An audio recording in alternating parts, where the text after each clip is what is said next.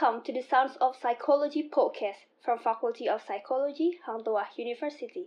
Please enjoy all discussion about life, mental health, and mindset. Hopefully, this can be your healing system. Now, close your eyes and open your mind widely. Thank you, and here we go.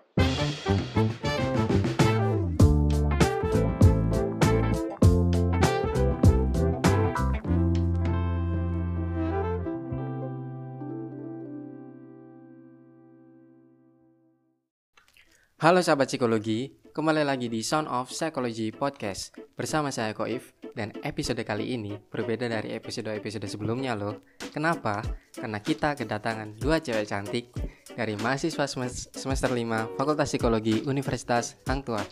Daripada penasaran, langsung saja kita sambut Kak Areta dan Kak Mega. Halo Kak Areta dan Kak Mega. Halo. Halo. Gimana nih kabarnya?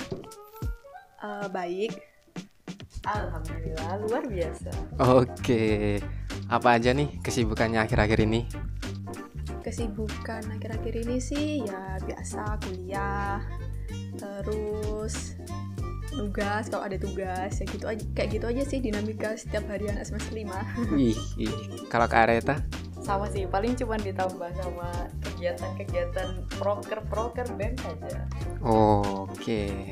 Nah, pada episode kelima ini kami akan mengangkat tema kesibukan mahasiswa semester 5. Nah, berhubung aku undang-undang dua narasumber dari mahasiswa semester 5 nih, langsung aja masuk ke pertanyaan pertama. Nah, di pertanyaan pertama ini pernah denger nggak sih stigma orang-orang di luar sana tentang semester 5 tuh berat banget. Gimana menurut Kak Mega? Oke, tentang dinamika semester 5 ya. Kalau menurutku sih ada benernya juga karena kan emang uh, semester 5 itu kayak udah di pertengahan gitu loh pendidikan perguruan tinggi. Jadi menurutku uh, ya benar gitu. Jadi kayak banyak banget yang uh, tentang praktek-praktek atau apa pun itu kayak semua itu dilakuin di semester 5 gitu. Kalau dari Kak Areta sendiri gimana Kak?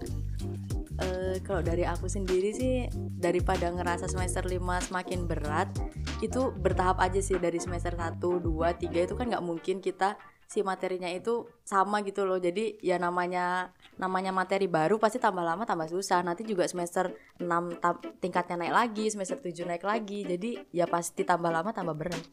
Keren sekali jawaban dari Kak Areta dan Kak Mega ini. Uh, apa sih yang ngebuat semester 5 ini berat kalau menurut Kak Areta mungkin adaptasinya ya. Soalnya kan ya kembali lagi karena materinya baru kan mau nggak mau berarti kita adaptasi sama materi baru terus sama dengan tugas-tugas yang mungkin bisa dibilang sih lebih banyak ya. Kayak tadi yang Kak Mega kan juga bilang kalau misalkan semester 5 ini kayak praktek-praktek itu semuanya banyak di semester 5 jadi mungkin karena itu sih orang-orang mikirnya kalau semester 5 itu paling berat gitu. Uh, kalau dari aku uh, lumayan mirip sih sama Kak Areta ya cuma uh, kalau aku tuh lebih ke apa ya penerapan. Di semester 5 itu kayak lebih banyak penerapannya gitu loh. Jadi semua teori yang kita dapat dari semester-semester sebelumnya itu kita terapin di semester 5 terus beberapa penelitian juga kita lakuin di semester 5 jadi ya menurutku itu sih kayak lebih kaget gitu. Waduh semester 5 ternyata kita banyak penelitian ya semester 5 ternyata kita banyak uh, praktek-praktek ya kayak gitu. Berarti lebih banyak ke prakteknya ya kak iya benar. Nah matkul kan kakak nih uh, dari fakultas psikologi nih. Nah matkul di psikologi yang paling berat di, di semester 5 itu apa sih kalau menurut kak Mega? Uh, kalau di semester 5 sebenarnya paling berat sih nggak ada ya. Semua itu punya tingkat beratnya masing-masing gitu jadi tergantung kita aja gimana caranya bisa buat memahami atau mengerti materi itu sendiri gitu. Jadi menurutku kalau berat sih ya semua berat tapi ya tergantung. Tergantung kita yang mengerjakan kita yang berusaha buat memahami materi itu kayak gitu. Kalau dari Kak Areta? Kalau dari aku jujur ada satu matkul yang menurutku lebih susah dari matkul yang lain tapi ini balik lagi ke tingkat pemahaman. Karena mungkin tingkat pemahamanku lumayan susah di matkul ini jadi lebih susah sih. Kan uh, matkul eksperimen itu di situ emang bener-bener dari awal kita udah diarahin untuk uh, praktek. Dan menurut aku aku sendiri pribadi prakteknya itu agak eh, susah dimengerti gitu loh dari aku ya. Mungkin kalau yang lain nggak kayak aku cuman ini yang emang dari awal itu kita udah dikasih tahu kalau kita akan melakukan eksperimen langsung makanya ini menurut aku sih paling susah sih Oke, nah kan tadi udah dibilang sama Kak Areta kalau misalkan eksperimen tuh matkul yang paling susah. Nah, cara belajar dari Kak Areta sendiri tuh gimana sih? cara belajarnya ya karena aku udah tahu kalau aku nggak paham di matkul ini mau nggak mau aku harus merhatiin ekstra di kelas. Terus pas waktu ngerjain juga aku biasanya belajar dari tugas-tugas. Jadi kalau misalkan tugas itu kan dia kan udah langsung prakteknya kan. Jadi mau nggak mau ngerti nggak ngerti aku harus ngerti karena aku harus ngerjain tugas itu. Kalau aku sih cara belajarku dari situ ya. Hmm, kalau Mega gimana Meg? Kalau dari aku sih eh, sama lebih memperhatikan ekstra karena aku anaknya nggak bisa multitasking ya. Jadi kalau misalnya ada chat atau apa gitu, aku pasti menghiraukan itu dan lebih fokus ke apa yang dijelaskan sama dosen gitu. Karena ya itu tadi aku nggak bisa multitasking dan bakalan sulit untuk memahami eh, pelajaran kalau misalnya aku lagi mengerjakan sesuatu yang lain. Nah setelah itu mungkin lebih ke nyatet nyatet poin-poin pentingnya aja yang apa yang dibicarain sama dosen itu terus ya pada saat ada praktek kan ada prakteknya kan beberapa mata Ya. pelajaran pada saat praktek dibaca ulang terus dipahamin ya udah gitu sih kalau dari aku Hmm, menarik nih. Nah, kan Kak Reta dan Kak Mega kan juga ikut kegiatan lain nih. Kan juga keduanya ikut BEM juga. Nah, gimana sih cara bagi waktu kegiatan organisasi itu sama kegiatan kuliah? Menurut Kak Mega? membagi waktu. Membagi waktu sih eh kalau aku sih 50-50 ya gitu. Jadi kalau misalnya emang ada yang harus diselesaikan terlebih dahulu ya itu yang aku selesaikan terlebih dahulu. Jadi ngeliat deadline-nya gitu loh aku.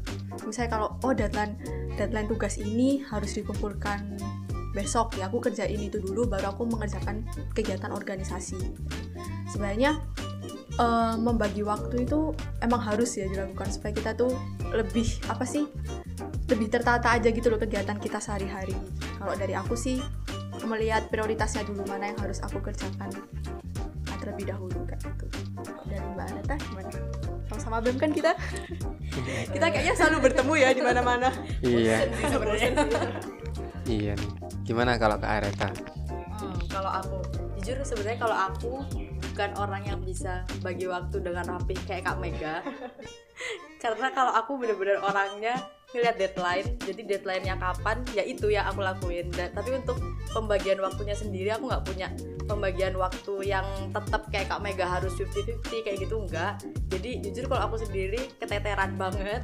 Yang penting tugas-tugas ini selesai di deadline. Pokoknya kalau aku sih mindset tuh kayak gitu ya. Dan ini sebenarnya nggak patut dicontoh ya buat teman-teman. Mungkin kalian bisa mencontoh dari kalimatnya Kak Mega tadi, oke? Nah, dari kesibukan-kesibukan itu, pernah nggak sih ngerasa kayak capek gitu, Kak? Dan cara ngilanginya tuh gimana? capek pasti pernah ya. Kalau kita lagi disibukkan dengan suatu hal itu pasti kita pernah ngerasa capek. Eh, cara ngilanginnya sih kalau aku rehat dulu. Maksudnya kalau emang udah bener-bener capek udah nggak bisa mikir udah mentok ya udah jangan dipaksain. Tutup aja laptopnya istirahat ya gitu. Mungkin aku kalau capek refreshingnya lebih ke pertama aku buka Spotify pasti. Karena aku anaknya suka dengerin lagu-lagu gitu kan. Jadi aku buka Spotify dengerin pokoknya refreshing otakku. Kalau enggak aku ngobrol sama teman-temanku kayak free call atau video call. Nanti salah satunya dengan Mbak Reta gitu. Pertama sih awalnya bahas-bahas tugas ya Mbak. Terus habis itu tiba-tiba itu ya curhat-curhat segala macam gitu Itu biasanya 10% ya. iya tugasnya 10% bener banget Sisanya curhat, sharing. Tapi ya sharing kepala hati.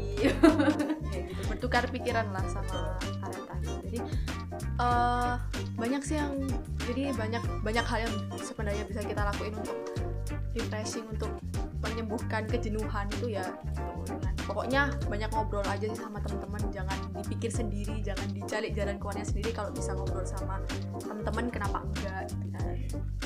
Ya enggak? Sebenarnya bentar sambung dikit ya. Sebenarnya kalau ini aku sama Mega tipenya beda. Karena jujur aku kalau capek ketemu orang itu aku bisa tambah capek. Jadi sebenarnya kalau aku kalau aku mungkin kayak lebih kalau capek ya berhenti tidur ya udah diem aja di kamar karena Ya. jujur kalau misalkan aku kadang kalau misalkan capek terus ngobrol itu kadang tuh mikir aduh aku ngobrol sama temenku seperti ada keharusan untuk menyelesaikan tugas gitu. Kan iya jadi kalau misalkan kalau ngobrol itu bisa kayak gitu. Tapi kalau misalkan sendiri emang bener-bener oh ya ini aku lagi capek aku nggak mau megang HP bener-bener HP aku silent internet aku matiin ada yang nyariin juga ya udah nanti dulu.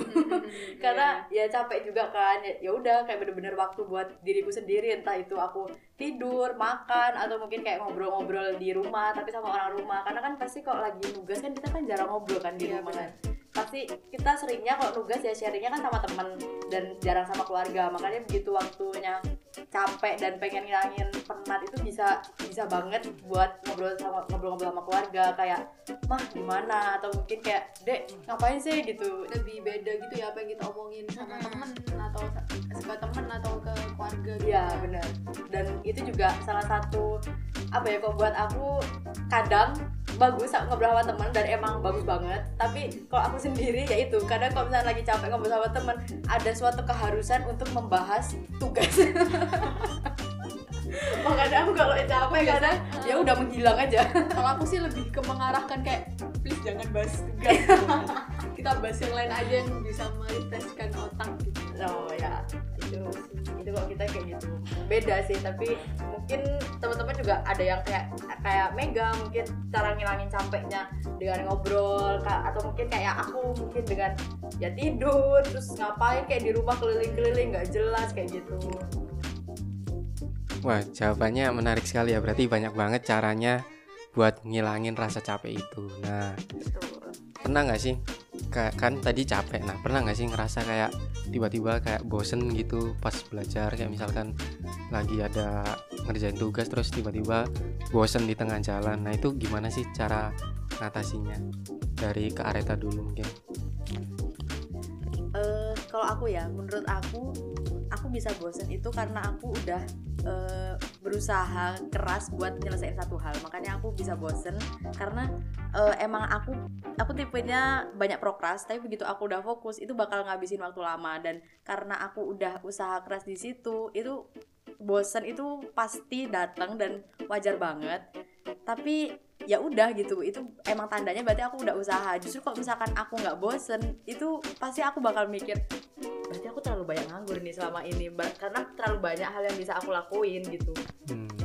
Eh, nggak tahu nih kalau Mega kayak gimana nih? Ah, kalau aku mirip-mirip sih kayaknya. Jadi kalau aku bosen sih biasanya yaitu karena emang kita ud- udah berusaha banget buat ngerjain tuh. Udah berusaha banget buat ngerjain cari cari apa namanya cari referensi buat tugas ini segala macem. Nah pada saat di tengah-tengah karena udah banyak banget yang kita lakuin akhirnya kita jenuh kan. Mm-mm. kok banyak ya gitu segala macam biasanya di situ sih aku ngerasa bosan itu harusnya harusnya aku lakuin ya tadi ya? Iya, iya. harus aku lakuin iya berhenti ya nggak sih? Ya berhenti karena kalau dipaksa makin nggak jelas tuh apa yang tertulis di penelitian kita atau di tugas kita itu makin makin nggak jelas makin ngelindur dan segala macam gitu mending Iya, benar sih. ya udah gitu istirahatin aja dulu kalau udah emang merasa bosan tapi ada positifnya juga sih kalau misalnya kita merasa bosan berarti kita udah berusaha keras buat Iya. menyelesaikan itu tugas gitu loh nah itu tadi kayak yang dibilang ke Areta kalau misalnya belum ngerasa bosan nah hati-hati tuh teman-teman bisa jadi belum berusaha berusaha gitu. bukannya kita eh, meremehkan ya mungkin kan tiap orang kan beda-beda cuman karena eh, apa ya istilahnya kayak kita udah melewati malam-malam tanpa tidur buat nyelesain bener-bener. tugas terus malam-malam semalaman di depan laptop itu karena itu sih bisa kita bisa datang bosan dan mungkin ya teman-teman juga bisa nggak bosan karena ya, kalian ngelakuin tugas tapi mungkin dengan kegiatan yang berbeda kali ya biasanya Iya. kan ada yang praktek-praktek harus keluar makanya mereka nggak bosen tapi karena kita harus dihadapkan Pantengin sama laptop laptop terus. apalagi sekarang kondisinya juga dari work from home kita harus kuliah dari rumah berarti mau nggak mau tuh eh, nggak satu dua kali dua empat tujuh itu kita depan laptop itu mungkin ada ya nggak nggak aku doang teman-teman semuanya tuh pasti banyak yang kayak gitu. Makanya itu kenapa kita bisa ngomong kayak gitu. Cuman ya sekali lagi kita tidak meremehkan buat teman-teman yang lain yang udah usaha. Tapi kok mungkin kalian juga ada yang aku udah usaha tapi aku nggak bosen. Apa aku belum usaha nih? Enggak itu nggak kayak gitu. Dan mungkin eh, emang balik lagi setiap orang Beda-beda. Itu. Ya betul Aku ada sedikit fun fact ini mau denger nggak? Oh ya, boleh, boleh, silakan. Nah, karena aku sering bosen ya, Mm-mm. sering bosen terus kayak aduh apa ya harus apa nih yang harus aku lakukan untuk menangani kebosananku ini aku mengganti suasana kamarku Wow, gimana tuh? jadi aku ya kak iya aku pingin hal yang beda gitu di kamarku yang buat aku kayak lebih semangat untuk nugas lebih semangat untuk uh, memperhatikan kuliah gitu. Aku kan aku lebih ke tempat belajarku sih. Tempat belajarku itu aku rubah. Kalau mungkin Kak Areta udah pernah lihat ya model model kamarku. Nah itu aku bener-bener rubah dari kursi dari meja itu aku rubah senyaman mungkin yang bikin aku bisa lama di sana. Jadi aktivitas apa pun aku usahakan itu ada di meja. Jadi kalau misalnya minum itu aku udah ambil sebotol. Jadi Hmm. aku kalau minum nggak keluar karena sekalinya aku keluar nih apa pun bisa aku lakukan. Kayak aku duduk di sana lebih kayak pengen nyantai-nyantai lebih inilah segala macam. Malah makin terbuang-buang kan waktunya yang bisa kita lakukan buat menyelesaikan tugas itu gitu. Eh, kalau aku sih mengubah suasana. Gitu. kayak mikir aduh apa ya? Aku apa ya? Suasana apa yang harus aku rubah di kamarku? Gitu. Dan itu bisa membuat semangat sih dan apalagi kalau kita ini kan belajar apa nugas dan segala macam tuh punggung sakit. Aku Oh bener sampai- iya. aku bener-bener sampai bilang ke mama itu mah aku kayaknya mau ganti kursi deh udah fix aku kari- capek capek banget kan ini belakangku. Jadi Mm. ya agak lebih nyaman lah sekarang aku kalau kuliah atau nugas gitu. Gitu sih. Tapi teman-teman ini kak Mega bukan mem- mempromosikan kursi baru ya? Ya bukan bukan mungkin dari teman-teman ada yang mikir wah mau sombongin kursi baru enggak enggak ini cuma TMI aja ya TMI gitu fun fact dari aku aja sih buat menghilangi kebosanan gitu. Berarti kayak apa ya? Ngerubah suasana di sekitar ya kayak misalkan ngerubah warna cat tembok mungkin, Hmm, terus iya, ngerubah bisa tata letak. iya Iya sih itu Pak juga apa ya? Ngaruh ke kebosanan kita kalau misalkan kita lagi bosen Buat terus mengurangi iya cara mengurangin kebosanan itu yang dari Kak Mega. Mungkin barusan kan udah ada TMI dan fun fact dari Kak Mega dan mungkin sedikit dari saya juga. Kok dari Kak MC sendiri gimana Kak? Nih. jarang Aduh. tahu nih. Iya, kan jarang-jarang nih kan ada yang tahu. Mungkin kalian buat pendengar Sound of Psychology, kalian udah tiap minggu ngedenger suara MC-nya kita, Mas Koif. Tapi kan kalian juga mungkin penasaran kalau Kak Koif gimana sih Kak gitu. Kalau Kak Koif gimana nih Kak cara mengurangi kebosanannya? Semester 3 juga setauku juga berat sih kan di situ juga kalian udah mulai eh, praktek-praktek kan semester Iya, 3 kan. udah udah. Nah, gimana nih Kak? Eh, kalau dari aku sendiri sih eh, apa ya cara ngatasi kebosanannya ya ini sih pengalian pengalian isu ketika aku udah kayak suntuk ngelewatin tugas-tugas itu ya aku kayak berhenti sejenak terus ngegame terus lihat-lihat video gitu di YouTube. Nah terus yang ngelakuin hal-hal hal-hal yang aku suka kayak misalkan olahraga itu juga bisa ngurangin kebosanan kebosananku sih. Wah, terus eh, apa lagi ya? Ini sih ngeru- ya sama kayak Kak Mega ngerubah suasana. Kayak misalkan aku biasanya belajar di apa di kamar terus aku nyoba suasana nyoba belajar di luar sama temen-temen kumpul bareng gitu sih. Kayak lebih fresh aja gitu pikirannya kayak gitu sih kalau dari aku Oh, berarti gak beda jauh sih ya sebenarnya sama kita ya. Cuman eh, mungkin ini juga apa sih buat teman-teman kayak yang mikir eh, ini balik lagi ke awal yang bilang stigma semester 5 itu stigma semester 5 itu katanya berat dan ini kan tadi balik juga ke statement aku sama Mega tadi yang pas pertama kan bilang kalau misalkan itu tuh bertahap dan kalian bisa lihat juga dari cara kita yang di semester 5 dan caranya kok event di semester 3 untuk ngulangin ngehilangin kebosanan tuh gak beda jauh kayak gitu. Ini kayaknya kakak MC-nya agak terkejut ya kan ditanyain balik ya. Hmm, enggak enggak Hmm, tapi suaranya "Mm, enggak. apa sih dapat masukan dari apa berbeda pendapat Iya. Iya. Ketiga. Iya.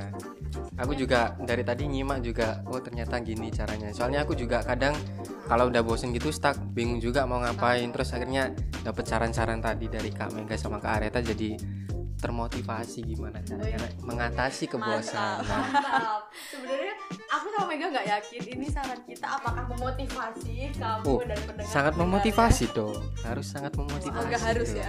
semoga ya semoga Iya. harus ya Semoga harus memotivasi.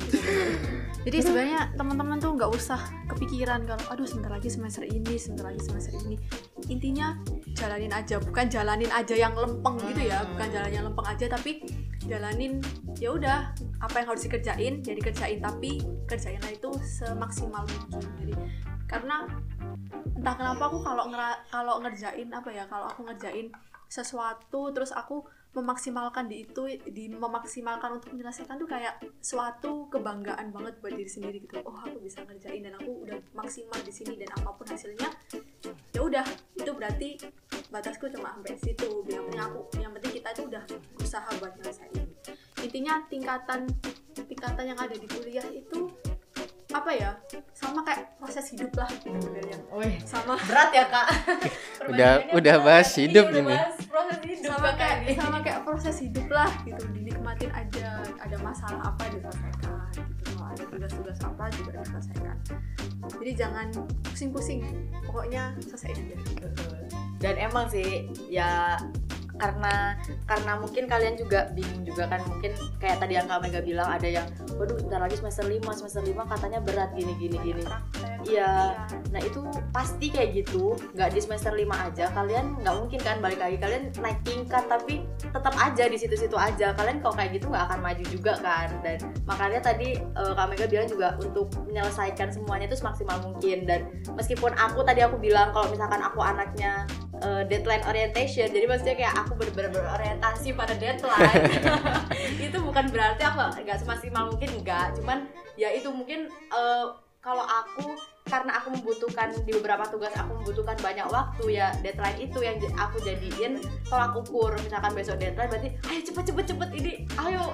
Di kayak istilahnya kalau misalnya ini otakku tuh aku peres cepet mungkin untuk menyelesaikan tugas ini tuh semaksimal mungkin. Ya itu. Makanya biar nanti pas akhir nggak ada penyesalan gitu. Jadi mungkin Bener banget. takut eh, apa sih kayak pas mungkin pas pembagian IPK kan biasanya kan yang kayak panik kayak "Loh, kok aku dapat IPK segini segini. Nah itu kalau misalkan udah berusaha semaksimal mungkin itu tuh kalian lebih nerima gitu loh kayak oh segini. Ya udah berarti emang kemampuan aku segini. Kalau aku kayak gitu makanya jangan apa ya jangan terlalu nggak bisa terlalu santai tapi juga nggak usah dibawa pusing lah gitu. Ya udah ntar juga pasti selesai. Tugas ini juga aduh sus- tugas ini susah tapi nanti juga lewat gitu. Jadi ya udah.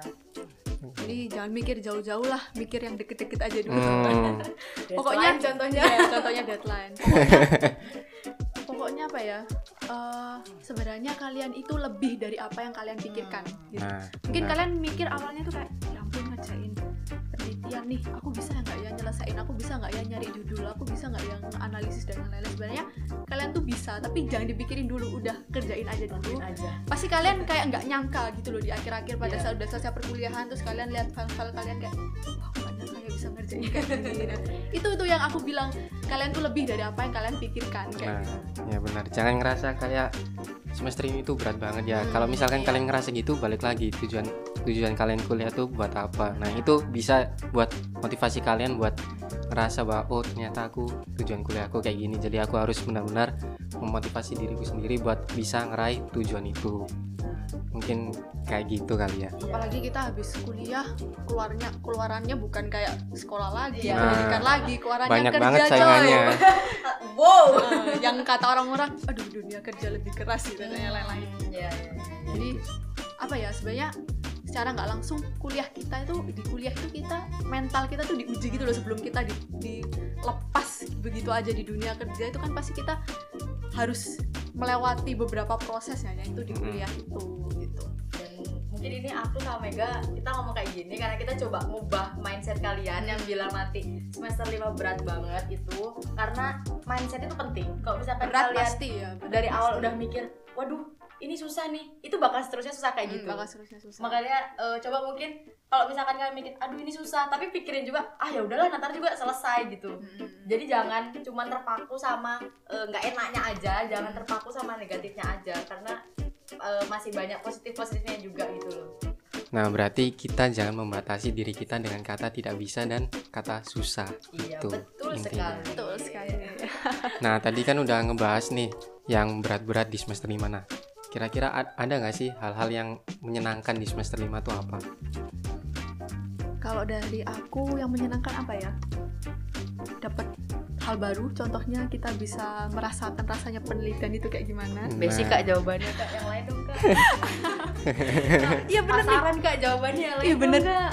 bener banget ya ampun. Kak, kamu coba ya kalau tiba-tiba kamu dapat penelitian nih terus kamu disuruh meneliti ini segala macam mungkin kamu mikirnya kayak aduh susah susah susah susah segala macam. Kayak nggak tahu ah mau ngapain. Nih tapi sebenarnya itu tuh melatih kalian buat nanti kalian mau skripsi gitu loh. Jadi menurutku itu wah kesempatan banget nih kita buat bisa belajar gitu dan hal seneng lain apa ya semester lima work from home Oh, Jadi- wow. Itu suasananya kak. Wow. tapi itu juga hal yang menyenangkan karena secara nggak langsung kita juga bisa apa ya lebih bisa mengatur gitu kalau misalnya kita offline pertama kita bem apalagi uh, aktivitas bem itu banyak kayak rutinan segala macam itu tuh Mhm. bisa terkurang bisa dikurangi gitu dengan kita work from home jadi lebih Pak Pres ini Pak Pres. Mohon maaf pak pres Diminimalisir. bersama bersama bem tahun ini rasanya menyenangkan Oh iya. Kak penutupannya bagus ya kayak. Setelah dijatuhin dinaikin lagi kak. menyenangkan menyenangkan kok semester lima teman-teman Uh, tumbuhkanlah rasa aduh tidak sabar nih semester lima Wow. Wow. Satu oke. motivasi yang cukup menarik dari Kak. Mega. Itu itu menyenangkan dari Kak Mega. Kalau dari aku sih lebih ke kenapa menyenangkan? Karena sul- karena itu sulit, itu menyenangkan buat aku. Waduh. enggak, enggak, enggak. Menyenangkan dengan menegangkan ini beda tipis Enggak, ya. soalnya gini, karena kan kita tahu kan untuk beberapa mata kuliah itu eh, kita nggak bisa mikir sendiri. Jadinya kan kita sering sharing sama temen kan. Nah Hmm. ini jadi satu apa ya cara juga dari satu aktivitas buat kita tuh tambah deket sama temen kita karena kita jadi sering telepon mereka, kita jadi sering ngobrol kayak ini gimana sih kok aku nggak paham gini-gini karena kan tahu sendiri kalau misalkan udah kuliah itu mungkin di eh, materi sama praktek kan banyak kan praktek kan apalagi Iya. sekarang udah hampir 80% ya kita praktek semua kan dan kita juga nggak bisa terus menerus tanya ke dosen. Jadi kan mau nggak mau kan ke temen. Nah itu jadinya tuh tambah deket sama temen kayak tambah sering. Karena kan nggak mungkin nih kita dua jam telepon sama temen tuh semuanya bahas mata kuliah tuh nggak mungkin. Pasti bosen. pasti. Dan nggak mungkin juga tahu kan lah kok sama temen tuh nggak bisa ngobrol satu topik lurus gitu loh pasti ada cabang-cabangnya kayak tiba-tiba tahu gak sih aku dulu tadi gini gini gini gini. Nah mikir itu kok bisa ya kita sampai pembahasan Iya. gimana gitu. Nah itu makanya serunya tuh di situ justru karena itu sulit jadi eh, tambah tambah de- sama teman tambah deket dan buat kita juga jadi kayak ih seru deh ini kok nggak nyangka nggak nyangka nggak sih kalau misalnya kita orang ini nggak deket tiba-tiba Tiba-tiba jadi deket. home kita deket. Nah itu. Nah itu justru karena makanya aku bilang karena sulit jadi menantang. Dan menantang juga kalau kita ditanyain temen kayak tiba-tiba "Red, ini maksudnya gimana Mek? Ini maksudnya gimana? Waduh ada keharusan untuk ngerti nih. Makanya sebenarnya sebenarnya tidak ada stigma semester lima itu sulit nggak ada. Nggak ada nggak ada. Itu itu mindset orang-orang Nah, aja. Oke. Wah nggak kerasa nih pembahasannya udah masuk di penghujung acara. Nah mungkin dari Kak Mega sama Kak Areta mungkin ada closing statement buat sahabat psikologi nih. Oke, buat para pendengar Sound of Psychology dan sahabat-sahabat psikologi. Closing statement dari aku sih eh, jangan memikirkan stigma-stigma di luaran sana tentang semester 5. Intinya jalanin aja, pokoknya eh, kalian apa ya fokus aja fokus sama apa yang kalian kerjain. Jangan mikir kalau itu bakalan susah jangan mikir kalau itu bakalan nggak selesai. Karena jujur kalian seperti yang aku bilang eh, yang seperti yang aku omongin sebelumnya kalian lebih dari apa yang kalian pikirin. Dan semakin kalian ngomongin itu ke diri kalian dan semakin itu terjadi sama diri kalian. Jadi intinya jangan pernah eh, apa sih kayak bilang ke diri kalian tuh kalau aku nggak bisa aku nggak bisa gini segala, macam. Nah kan secara tidak langsung itu membatasi kalian untuk melakukan apa yang sebenarnya kalian bisa lebih dari apa yang mau kalian lakukan kayak gitu. Gitu Kak Areta closing statement silahkan Eh, kalau closing statement dari aku apa ya? Kayaknya tadi yang aku pikirin udah diomongin semua sama Kak Mega ya Kak ya. Kurang kreatif Kak Mega ini. Eh, ya udah hmm, mungkin sama nggak beda jauh cuman kalau aku jalanin aja chill aja wih bahasa aku kayak oh my god nggak jangan jangan. Santai tapi eh, bertujuan. Ya paham kan maksudku santai tapi bertujuan apa? Jangan jangan santai yang sampai ah nggak tau lah gimana nanti gitu enggak kalian punya tujuan tapi juga jangan terlalu berambis kan di semester 5 kalau kalian terlalu mikirin ya kalian sendiri yang bingung. Tapi kalau kalian terlalu santai juga kalian yang kelewat sendiri itu gak di semester 5 doang tapi di semuanya juga kayak gitu. Jadi ya udah jalanin aja. Itu aja sih kalau dari saya. Terima kasih. Jalani aja dulu. Jalani aja dulu, itu intinya. Oke. Mantap.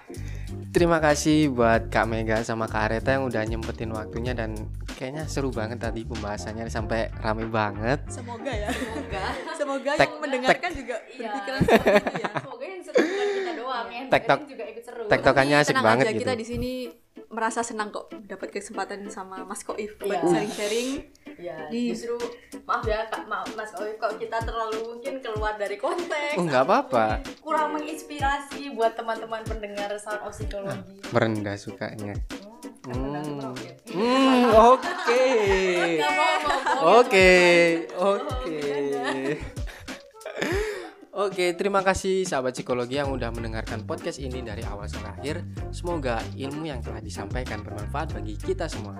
Sampai jumpa di episode selanjutnya. Bye bye. Dadah. Dadah, makasih. Terima kasih.